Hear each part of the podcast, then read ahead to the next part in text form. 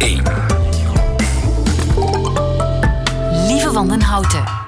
Nieuwe feiten. Dag en welkom bij de podcast van Nieuwe Feiten van 16 december 2021. In het nieuws vandaag dat de Nederlandse staatsveiligheid een kerstpuzzel heeft gemaakt en dat u die online kunt spelen. Het is al de tiende keer dat de AIVD, de Nederlandse inlichtingendienst, een aardsmoeilijke puzzel online plaatst. De jaarlijkse traditie zelf om die puzzel te maken is al veel ouder. En die begon ooit als een interne zoektocht naar de slimste speurder. Vorig jaar zijn amper 430 mensen erin geslaagd om de puzzel op te lossen. Het hoogst haalbare doel is om bij de club van 100 te komen. Dat zijn de spelers die ooit meer dan 100 punten hebben gescoord.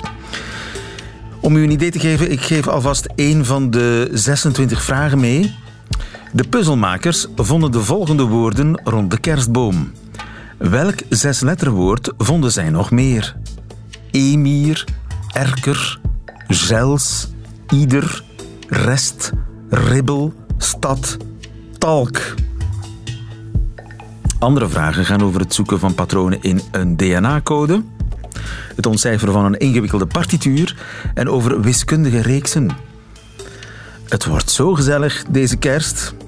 De andere nieuwe feiten vandaag. Een Nederlandse sokkenfabriek verkoopt sokken per stuk. Google maakt u dommer dan u denkt. Door stikstof aangetaste natuurgebieden kunnen deels hersteld worden met schelpen. Het kerstcadeau-dilemma wordt opgelost door Rika Ponet en Nico Dijkshoorn kan ook zingen. Veel plezier. Feiten. Mag ik u een, uh, ja, een beetje onbescheiden vraag stellen? Of misschien een, vraag die uw privacy wat schendt. Hoeveel eenzame sokken heeft u? Ik heb er ook een stuk of negen. In een speciaal daartoe bestemd doos. Het is uh, een van de grote onopgeloste kwesties. Hoe verdwijnen sokken? Waar blijven de wederhelften van al die eenzame sokken? Worden zij misschien opgegeten door de wasmachine? Dat is mijn veronderstelling op dit ogenblik, maar niemand die het eigenlijk weet.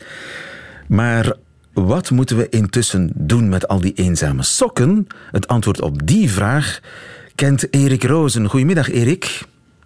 Uh, goedemiddag. Hoi, blij dat ik in de uitzending mag komen. Erik Rozen, welkom in uh, Nieuwe Feiten. Erik, jij bent oprichter van Starsock. Dat is een, een, een Starsock, moet ik eigenlijk zeggen. Niet Starsuck. Starsock, een sokkenmaker. Jij verkoopt miljoenen sokken per jaar. 25 miljoen paar. Maar jij gaat nu ook eenzame sokken verkopen in een doos van vijf stuks. Hoe kom je daarbij? Ja, dat klopt. Nee, inderdaad, hè, oprichter van Starsock. En uh, er is inderdaad heel veel uh, problemen. Hè. U heeft het net zelf al aangegeven. We hebben thuis allemaal sokken liggen. En uh, ja, die zijn de vriendjes kwijt, de linker of de rechter sok. En die trekken we eigenlijk niet aan. Die laten we in een hoekje liggen. En dat hebben we thuis, maar dat hebben we ook bij de fabrieken. Daar liggen ook heel veel sokken die allemaal eigenlijk een tweede leven verdienen. En er liggen ook weer heel veel sokken in de winkels. En wij willen dat met elkaar gaan oplossen. Dus draag twee verschillende sokken. En de duurzame sokkenoplossing ligt eigenlijk in de fabriek, ligt eigenlijk in de winkel, maar ligt ook bij je thuis. En daarvoor hebben we Sok bij Sok opgericht. Sok bij Sok, dus jij wil iedereen ervan overtuigen om verschillende sokken door elkaar te dragen. Ja, iedereen is natuurlijk een hele grote uh, droom. Maar we willen beginnen inderdaad hè, stap voor stap in de goede richting te gaan. En als we allemaal inderdaad sokken door elkaar dragen, dus niet per se twee dezelfde, ja, dan hebben we het probleem wat u net al, al geadresseerd heeft thuis, maar ook het probleem in de industrie, kunnen we dan uh, eigenlijk met elkaar allemaal oplossen. Ja, overigens is aangeschoven Gilles Wijkmans van de redactie van Nieuwe Feiten. Gilles, hallo. Toon mens jouw voeten. Uh, Oké, okay, ik verontschuldig mij nu al voor eventuele geurhinder. Uh, aan mijn linkervoet heb ik een sok, een donkerblauwe met appelen en peren. Erop, heel chic. Absoluut, absoluut. Aan je rechtervoet. Aan mijn rechtervoet heb ben ik vandaag... Lenig? Wat ben je lenig, Gilles? Heb ik een... Uh, ja, mensen die nu via de webcam kijken, die kunnen mijn sokken zien. Uh, een, ja, geel. Hij was oorspronkelijk oranje. Uh, ja. de, de kleur is er al een beetje vanaf. Maar Ze kunnen niet verschillender zijn, eigenlijk. Van, nee, oranje en donkerblauw. Ja, nee. En is dat een fashion beslissing? Is dat een... Nee, net het, te- net het tegenovergestelde eigenlijk. Omdat, ehm, ja, ik heb geen eh, eenzame sokken. Ik heb geen apart bakje met eenzame sokken. Ik hou die niet bij. Simpelweg omdat het geen fashion is. Niemand ziet je sokken wanneer je een lange broek aan hebt. En zeker niet in de winter wanneer er ook nog eens hogere schoenen bij komen. Dus ik heb altijd zoiets gehad van... Waarom zou ik in godsnaam mijn tijd verspillen met het bijeenzoeken van sokken? Zeker als je dan ook nog eens zwarte sokken hebt die op elkaar lijken. Dan moet je die al met die lengte en al zo vergelijken om die samen te kunnen doen. En hoe lang draag je al verschillende sokken? Jaren. Jaren. Ja, ja ik, ik zou er geen... Ja, nee, toch al tien jaar of zo, ja. Nou, dit is eigenlijk heel mooi dat, hè, dat u zegt, ik doe het ook om tijd te winnen. En het kan dus zelfs ook een, een duurzame keuze zijn. En wat, wat we nu aan het doen zijn met z'n drie is eigenlijk heel mooi.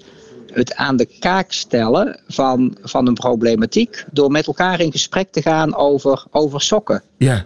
En dan kunnen we ook duurzaam zijn in, ehm, in een theezakje nog een keer gebruiken. Of iets op straat op te ruimen. Of eh, printpapier dubbelzijdig te Ja. gebruiken.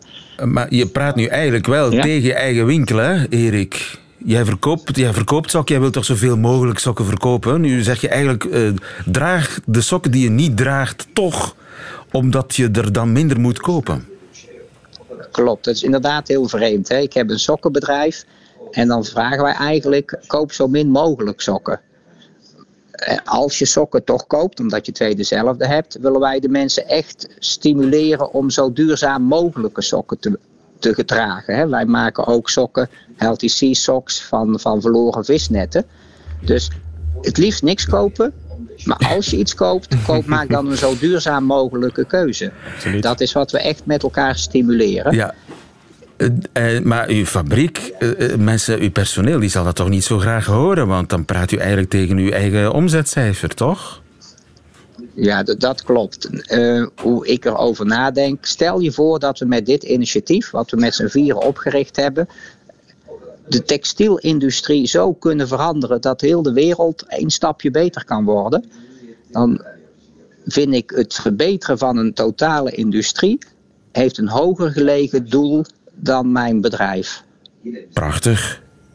Erik, prachtig. En maar eh, Laten we met z'n allen die stap maken om al aardig voor elkaar te zijn, om een duurzame keuze te maken, om een keer rustig te zijn voor elkaar.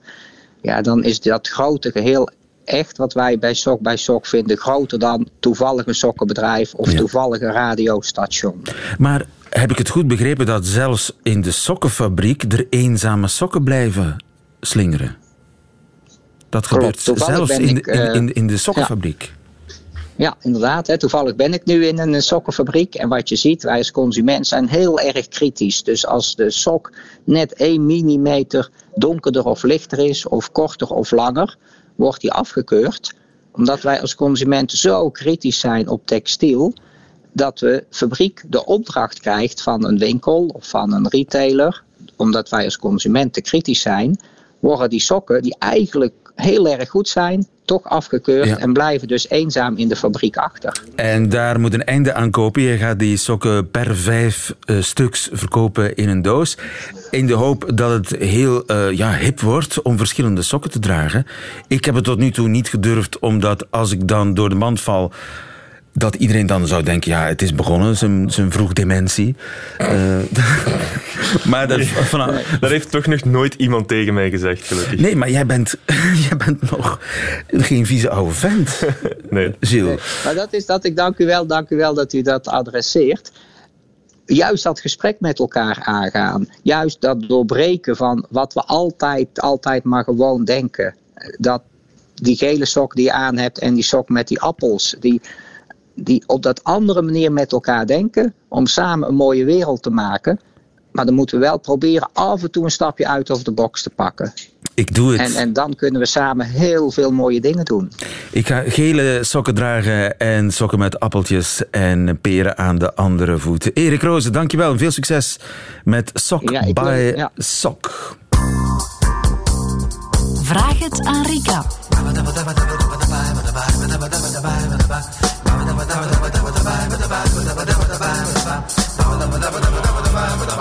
Ik ga weer een heleboel mensen moeten teleurstellen, want we kunnen uiteraard niet alle vragen beantwoorden. Ik pik er eentje uit voor Rika Ponet, onze donderdagse relatiedeskundige. Dag Rika. Hallo, goedemiddag. Ik heb post voor jou gekregen van uh, Marta. Marta is 34, ze komt uit een groot gezin, schrijft ze, met vijf broers en zussen. Ze kunnen het heel goed vinden met elkaar. Ik ben oprecht blij met hen, schrijft ze, maar op één punt vinden wij elkaar niet. Oké, wij zijn namelijk heel slecht in het geven, ontvangen en vooral kiezen van cadeaus voor elkaar. Elk jaar opnieuw krijg ik al stress van in september. Ben ik al aan het uitkijken voor een nieuwjaarsgeschenk voor elk van hen. We vinden er ook moeilijk een weg in. Zo spraken we alles af om te stoppen met cadeautjes. Maar dan had mijn ene zus toch iets mee voor mijn broer en voelde de rest zich wat schuldig. Of slechter nog, de gierigaard van dienst. Op dit moment spreken we een bedrag af van 100 euro, maar ik blijf het heel moeilijk vinden. Ik kocht al een aantal dingen die ik nadien nooit meer zag en waarvan ik vermoed dat ze ergens stof liggen te vangen. Ik zag ook al eens ontgoocheling in de ogen van de anderen. En eerlijk, ik vind de geschenken die ik krijg ook altijd dwaas. Hoe pak je dit probleem het beste aan? Rika Bonnet. Kreeg jij al foute cadeaus, lieve? Oeh, breek me de bek niet open. Ja, ik denk dat we daar allemaal ervaring mee hebben. En cadeaus geven, ontvangen ook, maar cadeaus geven vooral, het is een, een heikel punt. Hè. Um, in de Aziatische cultuur, ik vind dat nog niet zo slecht, um, mag je cadeau niet openmaken in het bijzijn van de anderen. Mm. En dus omdat je op die manier dan ook niet de ontgoochelde blik in de ogen van de anderen ziet, je bespaart de anderen ook die gêne. Dus, uh, maar bon, dit, uh, wij zitten niet in die Aziatische cultuur. Nu, het probleem is vaak bij het kiezen van het cadeau, dat, uh, en dat hoor ik ook zeer vaak, met wat doe je iemand nog een plezier? Hè? Iedereen lijkt alles te hebben. En het is soms ook dubbel, zeker rond deze tijd. Ja, je moet ook mensen cadeaus geven waar je eigenlijk ja, helemaal geen zin in hebt. Hè? Wat, wat moet ik die persoon nu geven? We, we zijn verplicht om dat te doen. Ja, uh, vooral maar, als het niet spontaan opborrelt. Als je niet voilà. spontaan zeker weet, oh, maar dat koop ik voor hem ja. of voor haar. Als je daarna zit te zoeken, dan ja. kom je altijd uit bij iets onnozels. En ja, bij... Dan toch maar een paar sokken, ja. een sjaal, een das. een parfum. Oh. Ja, uh, nu, ik denk, wat goed is algemeen, dat is dat je een beetje probeert te houden aan de ongeschreven regels in een uh, familie. Uh, ik ken families waar het makkelijk zat is. Iedereen is content met een cadeaubon. Zo ken ik, heb ik een goede vriendin en daar worden er elk jaar vlijtig cadeaubonnen uitgedeeld. En iedereen is daar tevreden mee. Je kunt ook nu, niets geven, dan is, ja. komt het eigenlijk op hetzelfde neer. Ja, in andere families. Ja, bij, ja, bij ons zou dat getuigen van een, uh, ja, van een totale desinteresse. Hè. En um, ik denk dat de relatie met de persoon aan wie je die bon dan geeft, vooral in mijn geval zou dat zo zijn, uh, eerder verslechterd. Van ja, ze heeft er dit jaar eens helemaal haar best niet voor gedaan. Ik heb recent een onderzoek uh, te lezen gekregen. Ik dacht altijd, het is erg belangrijk als je een cadeau geeft, probeer af te stemmen op de andere. Hè. Probeer je in te leven in wat wil de andere. Uh, informeer desnoods eens um, ja, bij de directe betrokkenen. Wat, uh, met wat zou ik hem of haar een plezier kunnen doen? Denk na over gesprekken die je met hem of haar hebt gehad. Nu, wat blijkt uit dat onderzoek? Dat dat niet zo'n goede strategie is. Ah nee, de, het is, niet. Nee, de betere strategie... Want je krijgt dan dingen waar, waar het Waar het cliché van afdruipt. Soms wel. En ook, het kan wel kloppen. Je kan iets geven uh, waar de ander dan heel tevreden mee is. Je hebt dan goed afgestemd of je kent de andere dan behoorlijk. Het kan ook zijn dat je iets geeft vanuit de gedachte, dit is helemaal wat die andere wil, en dat dat dan helemaal niet klopt. Diepe ontgoocheling. Hè. Bijvoorbeeld, ik doe jou een sportbroek uh, cadeau, uh, vanuit de overtuiging, lieven gaat graag lopen. Blijkt dat je dat al een tijdje niet meer doet, omdat je het gehad hebt met dat lopen, en dan zie je dat als een signaal, ja, ze vindt mij niet sportief genoeg of te dik, ik moet dringend iets doen aan mijn conditie, en daarom krijg ik nu die broek en diepe ontgoocheling. Het is veel beter om iets te geven um, wat je zelf erg mooi vindt. Dat bleek uit dat onderzoek. Iets wat je zelf mooi of heel leuk vindt. Um, ja, omdat dat uh, altijd een vorm van verbinding is. Je kan het als volgt zien.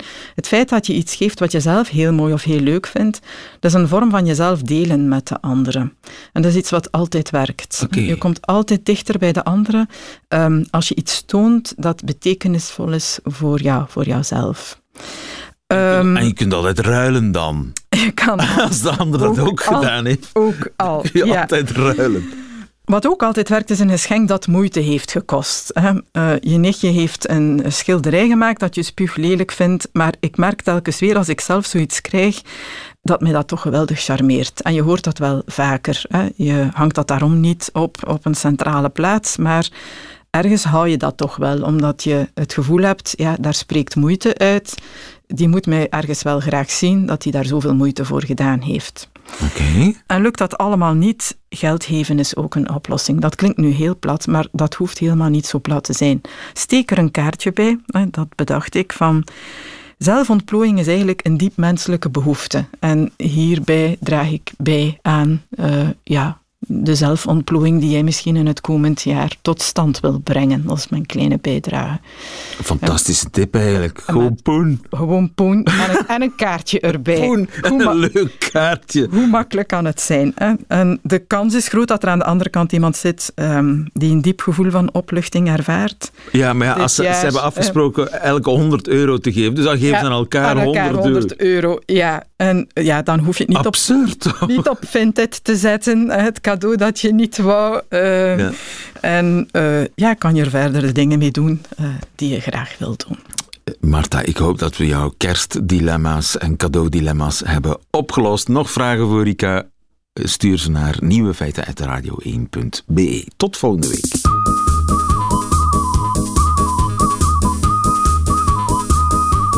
Nieuwe feiten. We zitten met een gigantisch stikstofprobleem. Hoe we dat gaan oplossen, daar is de Vlaamse regering nog lang niet uit. Er is deze week zwaar en nachtelijk gediscussieerd naar het schijnt. Maar Arnold van den Burg die heeft misschien een deel van de oplossing. Met name schelpen strooien. Dag Arnold, goedemiddag. Ja, goedemiddag. Je bent ecoloog van de stichting Biosfeer en je hebt vorig jaar 80 hectare natuurgebied bestrooid met schelpen. Ja, 380 hectare. 380 hecta hectare, ja. om, dat is nog veel meer. Hoe heb je dat gedaan, zo'n gigantische oppervlakte bestrooien met schelpen? Ja, ik heb dat niet zelf gedaan hoor. Daar is met een vliegtuig, met een helikoptertje overheen gevlogen. En daar zijn ze een dag of tien mee bezig geweest om uh, drie ton per hectare uit te vliegen op dit uh, oppervlak. Op de Veluwe?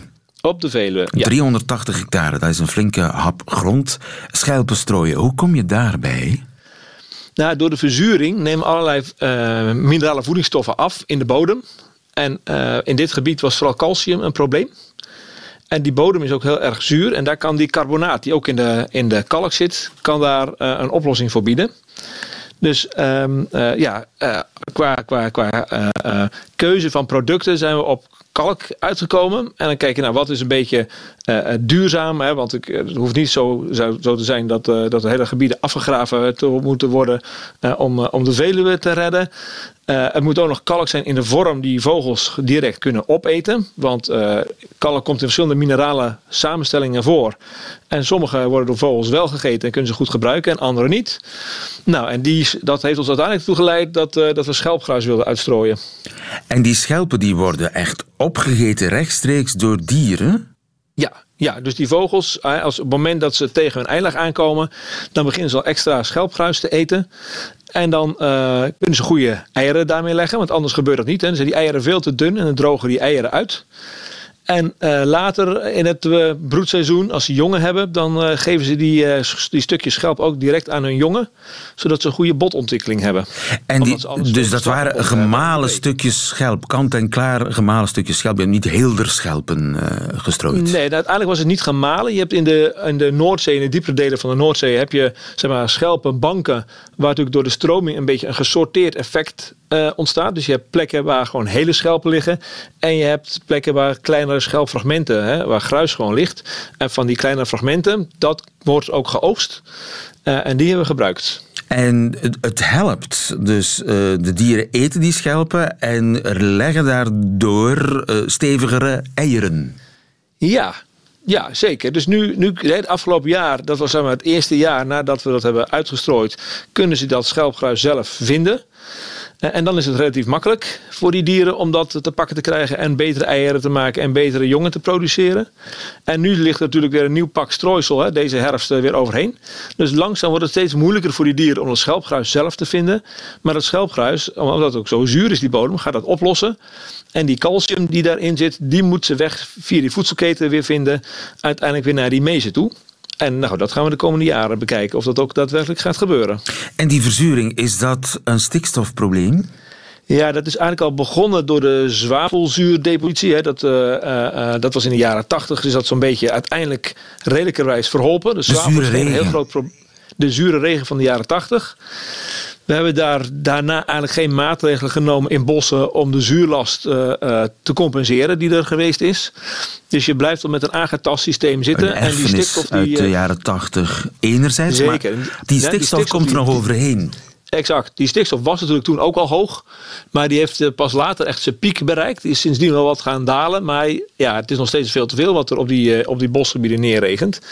En uh, ja, dat zorgt er gewoon voor dat die verzuring alsmaar door blijft gaan. En verzuring werd cumulatief. Dus wat je het ene jaar een verzuring had, dan komt het volgende jaar gewoon bij. Dat, je, dat heel vaak wordt gezegd van ja, maar de, de verzuring per jaar die daalt. Dat is misschien wel zo. En daar, moet je, daar zijn we misschien wel een beetje blij om. Maar ecologisch gezien, als die verzuring gewoon in overmaat op zo'n gebied uitgestrooid blijft worden, dan wordt het gebied, de kwaliteit ervan, wordt gewoon telkens elk jaar slechter. En kun je dat eigenlijk corrigeren volledig met een schelpenregen? Nee, nee, dat kan eigenlijk niet. Uh, dus uh, er zijn ook andere mineralen die een, een probleem uh, kunnen zijn in, in gebieden. Dus het kan zijn dat je kalium of je magnesium tekort hebt. Ja, dat zit bijna niet in dat schelpgruis. Dus daar, daar heb je andere ma materialen, is andere steenmelen. Daar worden ook experimenten mee gedaan, maar nog op wat kleinere schaal in, in Nederland. En het is zo dat die stikstof heeft een verzurend effect. Nou, daar kun je met dit soort bodemherstelmaatregelen iets aan doen. En het zal ook wel moeten om die natuur ooit echt te kunnen herstellen. Maar het heeft ook nog een vermestend effect. Dus die stikstof die werkt als meststof in die bodem. En daar doen we op dit moment met dit type maatregelen nog helemaal niks aan. Ja, dus uh, stikstof moet opgelost worden. Ik bedoel, het probleem moet opgelost worden. Daar is uh, schelpenstrooien geen echte oplossing voor, maar het helpt tijdelijk om door de ergste crisis heen te komen. Ja, en uiteindelijk is het ook echt wel nodig om die bonus te herstellen. Dus de stikstofdepositie moet omlaag en die bonus moeten hersteld worden. En daar is dit, het strooien van schelpengruis met deze hoeveelheden, gaat daar gewoon aan bijdragen. En dus zou je dat eigenlijk uh, boven elk natuurgebied moeten doen? Nou, je moet wel een klein beetje oppassen uh, en dat je wel eerst metingen doet van wat is nou precies het probleem in dit natuurgebied. Is er eventueel met grondwaterstromen iets te herstellen of zijn die er, waardoor je ook eventueel effecten negatief zou kunnen beïnvloeden. En je moet altijd hand op de kraan houden met, met de calciumcarbonaat, met de kalk. Omdat je, zeker op de Veluwe, dat is natuurlijk van nature een zuur bos, dat ook zo blijven. En als je te veel kalk gaat geven, uh, dat is op zich reactief spul, dan uh, ga je naar een heel ander ecosysteem toe, wat eigenlijk helemaal niet past op de Veluwe. Dus uh, het is er wel met hand op de kraan dat je dit moet toepassen. Ja, je moet er wel je kop bij houden. Arnold van den Burg, dankjewel. Goedemiddag. Goedemiddag. Amai, amai. Amai, amai. Amai, amai.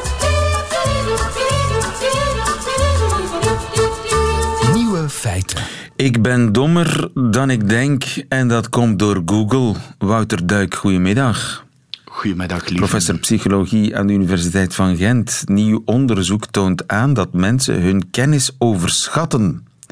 En dat zou komen door Google. Hoe zit dat? Inderdaad, inderdaad. Het is natuurlijk zo dat wij in een ongelooflijke kennismaatschappij leven. Er is steeds meer kennis, ook in de wetenschap. Er is eigenlijk niemand die nog alles weet. En die kennis, uh, en dat is wel een beetje nieuw, wordt eigenlijk ja, verspreid of is nu de hele tijd uh, beschikbaar over het internet natuurlijk. En in het onderzoekje wat we vandaag uh, naar de luisteraars brengen, heeft men nu onderzocht in welke mate die kennis die op het internet beschikbaar is, en welke mate mensen geloven dat ze die kennis eigenlijk zelf bezitten. Hè. Om een quote van uh, de baas van Google, Sergey Brin, te gebruiken, hè, uh, zien mensen Google als hun derde hersenhelft, als het ware. Hè. En in dit onderzoek is een serie experimenten gebeurd bij bijna 2000 proefpersonen, waarin men mensen eigenlijk ja, quizvragen stelt. Quizvragen zoals bijvoorbeeld, hoe noemt men een babyhaai? Weet jij dat, lieven? Hoe noemt men een babyhaai? Een, ba een babyhaaitje? Nee, geen flauw idee. Nee, nee, men noemt dat in het Engels uh, een pup. Hè? Uh, dus een babyhaai is een pup. En men schotelt mensen dus dat soort uh, vragen voor, maar aan de helft van de mensen zegt men van ja, kijk, je mag het antwoord opzoeken op Google. En de andere helft van de mensen die moeten gewoon op zoek in hun eigen geheugen, in hun eigen brein. Hè? En wat blijkt, ja, ten eerste, niet verrassend, mensen die Google mogen gebruiken, die scoren beter. Hè? Ja. Daar vallen we niet van achterover. Maar, wat zag men ook in dat onderzoek, dat als men nadien aan die mensen vraagt van hoe slim ben jij, hoe intelligent ben jij, heb jij een beter geheugen dan andere mensen, dan blijkt dat mensen die tijdens die quiz Google konden gebruiken, hè, dat die nadien zichzelf veel slimmer vinden dan andere mensen. Dus mensen doen het beter in een quiz als ze Google mogen gebruiken, maar dat leidt er dus toe dat ze nadien ook zichzelf gaan overschatten. Hè. En in een variant van dat experiment uh, hadden we een nieuwe groep proefpersonen naar het labo en we stelden opnieuw moeilijke vragen, zoals bijvoorbeeld: waar is Madonna geboren? In welke Amerikaanse staat? Dat zou jij toch moeten weten, lieve. Waar is Madonna geboren? Oeh, Madonna. Uh, ik denk uh, New York. Nee, nee. Uh, niet Albeke, niet New York, maar Michigan. Hè. Daar is Madonna geboren. En dus opnieuw vond men hetzelfde. Mensen die Google mogen gebruiken om dit soort trivia op te zoeken, die overschatten zichzelf nadien. Hè. En die voorspellen ook dat als ze nadien een nieuwe quiz zouden doen, dat ze het beter zullen doen dan de mensen die Google niet gebruikt hadden. Dus ze geloven echt dat ze meer weten, maar ze geloven ook dat ze op toekomstige quizzes uh, beter zullen scoren dan andere mensen. En in een derde experiment heeft men dan getest of dat effectief zo is. Hè? Want misschien halen mensen zo een boost van zelfvertrouwen uit het feit dat ze al die trivia mooi op internet vinden. Hè? En, en men schotelt hen opnieuw een quiz voor. En wat blijkt? Nee, ze scoren helemaal niet beter. Dus het is wel degelijk zelfoverschatting. Ja. En de interessantste experimenten in deze studie die gingen eigenlijk over ja, hoe komt dat nu eigenlijk? Waar precies ontstaat die verwarring dat mensen echt geloven dat dingen die ze opzoeken, dat die zich wel degelijk in hun eigen brein bevinden. Hè? En hebben we daar het antwoord op gevonden? Ja, wel degelijk. Men heeft daar het antwoord op gevonden. Men heeft namelijk een nieuwe groep proefpersonen toegevoegd. Hè? En die mensen moesten, vooraleer ze het antwoord opzochten op Google, moesten opschrijven wat ze dachten dat het antwoord was. Dus men maakte bij die mensen wel heel duidelijk op voorhand van ja, weet je het of weet je het niet? En als je het niet weet, dan kun je het nog altijd opzoeken. Wat blijkt? Als je mensen verplicht om vooraf eens na te denken van ja, weet ik dit eigenlijk? Hè? Want ik moet dat hier opschrijven, dan gaan ze zichzelf niet overschatten. Hè? Dus de overschatting treedt enkel op als mensen op voorhand niet even in hun eigen geheugen gezocht hebben.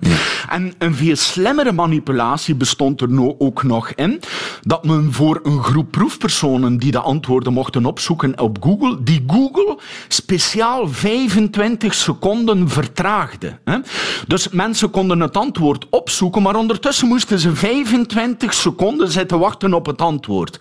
En als mensen 25 seconden zitten te wachten op het antwoord, dan zoeken ze ondertussen natuurlijk het antwoord in het eigen geheugen. Dan stellen ze vast van, verdorie, ik weet niet hoe een babyhaai noemt. Hè. Plots geeft na 25 seconden Google het antwoord. En wat blijkt? Dat mensen zichzelf niet slimmer vinden dan ja. andere mensen. Hè. Dus...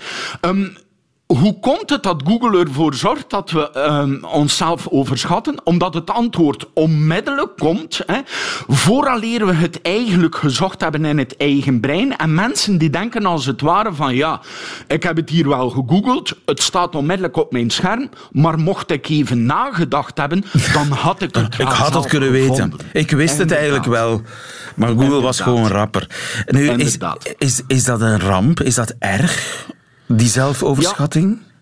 Ga ja, kijk, um, stel nu dat je bijvoorbeeld bij artsen, bij virologen, hè, um, dat die de kennis die op het internet uh, beschikbaar is, dat ze denken dat ze die hebben, terwijl dat niet het geval is, ja, dan kan dat natuurlijk leiden tot zelfoverschatting en ook tot verkeerde medische inschattingen bijvoorbeeld. Dus um, ja, uh, het is een dubbel verhaal. Internet is er, we kunnen het maar gebruiken, maar het kan ook leiden tot zelfoverschatting. En als als er op den duur onvoldoende kennis aanwezig is, dan kunnen mensen ook op het internet die informatie niet meer efficiënt opzoeken. Duidelijk. Wouter Duik van de Universiteit van Gent, professor psychologie. Dankjewel. Goedemiddag. Graag gedaan, dag. Ziezo, dat waren ze, de nieuwe feiten van 16 december 2021. Alleen nog die van Nico Dijkshoren nu in zijn middagjournaal. Nieuwe feiten. Middagjournaal. Beste luisteraars. Ik wil u even lastigvallen met een vrij particulier probleem. Een paar jaar geleden heb ik een aantal Nederlandstalige liedjes opgenomen met een hele goede band. En die liedjes die staan ergens op een geheime plek op het internet. Het zijn liedjes over eenzame mensen, verlaten mensen, zoekende mensen en mensen die veel te veel voelen of juist veel te weinig. Ik werd een beetje verdrietig van alle liedjes over geluk en voorspoed. In Nederlandstalige liedjes wordt heel weinig suïcidaal op een bank gehangen met een zak oude chips in je handen. Maar nu komt het. Ik kan gewoon niet naar mijzelf luisteren. U luistert nu naar mij en dat is heel lief van u. Maar zingend in het Nederlands verander ik opeens in een cabaretier. Een vreemde transformatie. Als ik praat, ben ik een arbeiderszoon, zoals nu, die eigenlijk vier jaar spraakles moest hebben. Maar als ik zing, dan klink ik opeens weer als iemand die leunend met zijn hand op de piano veel te duidelijk de lettergrepen zingt. Het is vooral die cabarettoon die mij stoort. Alles wat ik zing in die verdrietige liedjes, dat meen ik oprecht, maar ik zing het veelste netjes. Wat de inhoud ook is, alles wat ik zing lijkt rechtstreeks uit een politiek geëngageerde cabaretvoorstelling te komen. Als in een theater een cabaretier achter een piano gaan zitten, dan weet je het wel. Dan volgt er, midden in een hilarische voorstelling, opeens het gevoelige liedje. Ik heb het al zo vaak meegemaakt. Je kijkt naar een cabaretier. Je lacht om zijn verhaal over de keer dat hij met een groepsreis meeging naar een vreselijk vakantieoord in Spanje. Daarna gaat hij achter de piano zitten en slaat een akkoord aan en daarna zingt hij met een hele vreemde stem. Veertien jaar geleden was ze breekbaar, was ze broos. En dat gaat dan altijd over zijn moeder. Luisteraars, daar heb ik dus ook heel erg veel last van. Dat alles wat ik zing lijkt te gaan over mijn moeder, herbewapening of een koude oorlog. Al gaat het over een eenzaam meisje, het klinkt alsof ik zing over woningnood en milieuvervuiling. Luisteraars, zou ik deze tekst helemaal hebben gezongen, dan zou u hebben gedacht: wat een bewogen, mooi mens is die Nico. Maar nu ik hem voorlas, denkt u: zo, dat was dat. Nu weer lekker aan de afwas. Luisteraars, ik zit gevangen in mijn eigen zangstem.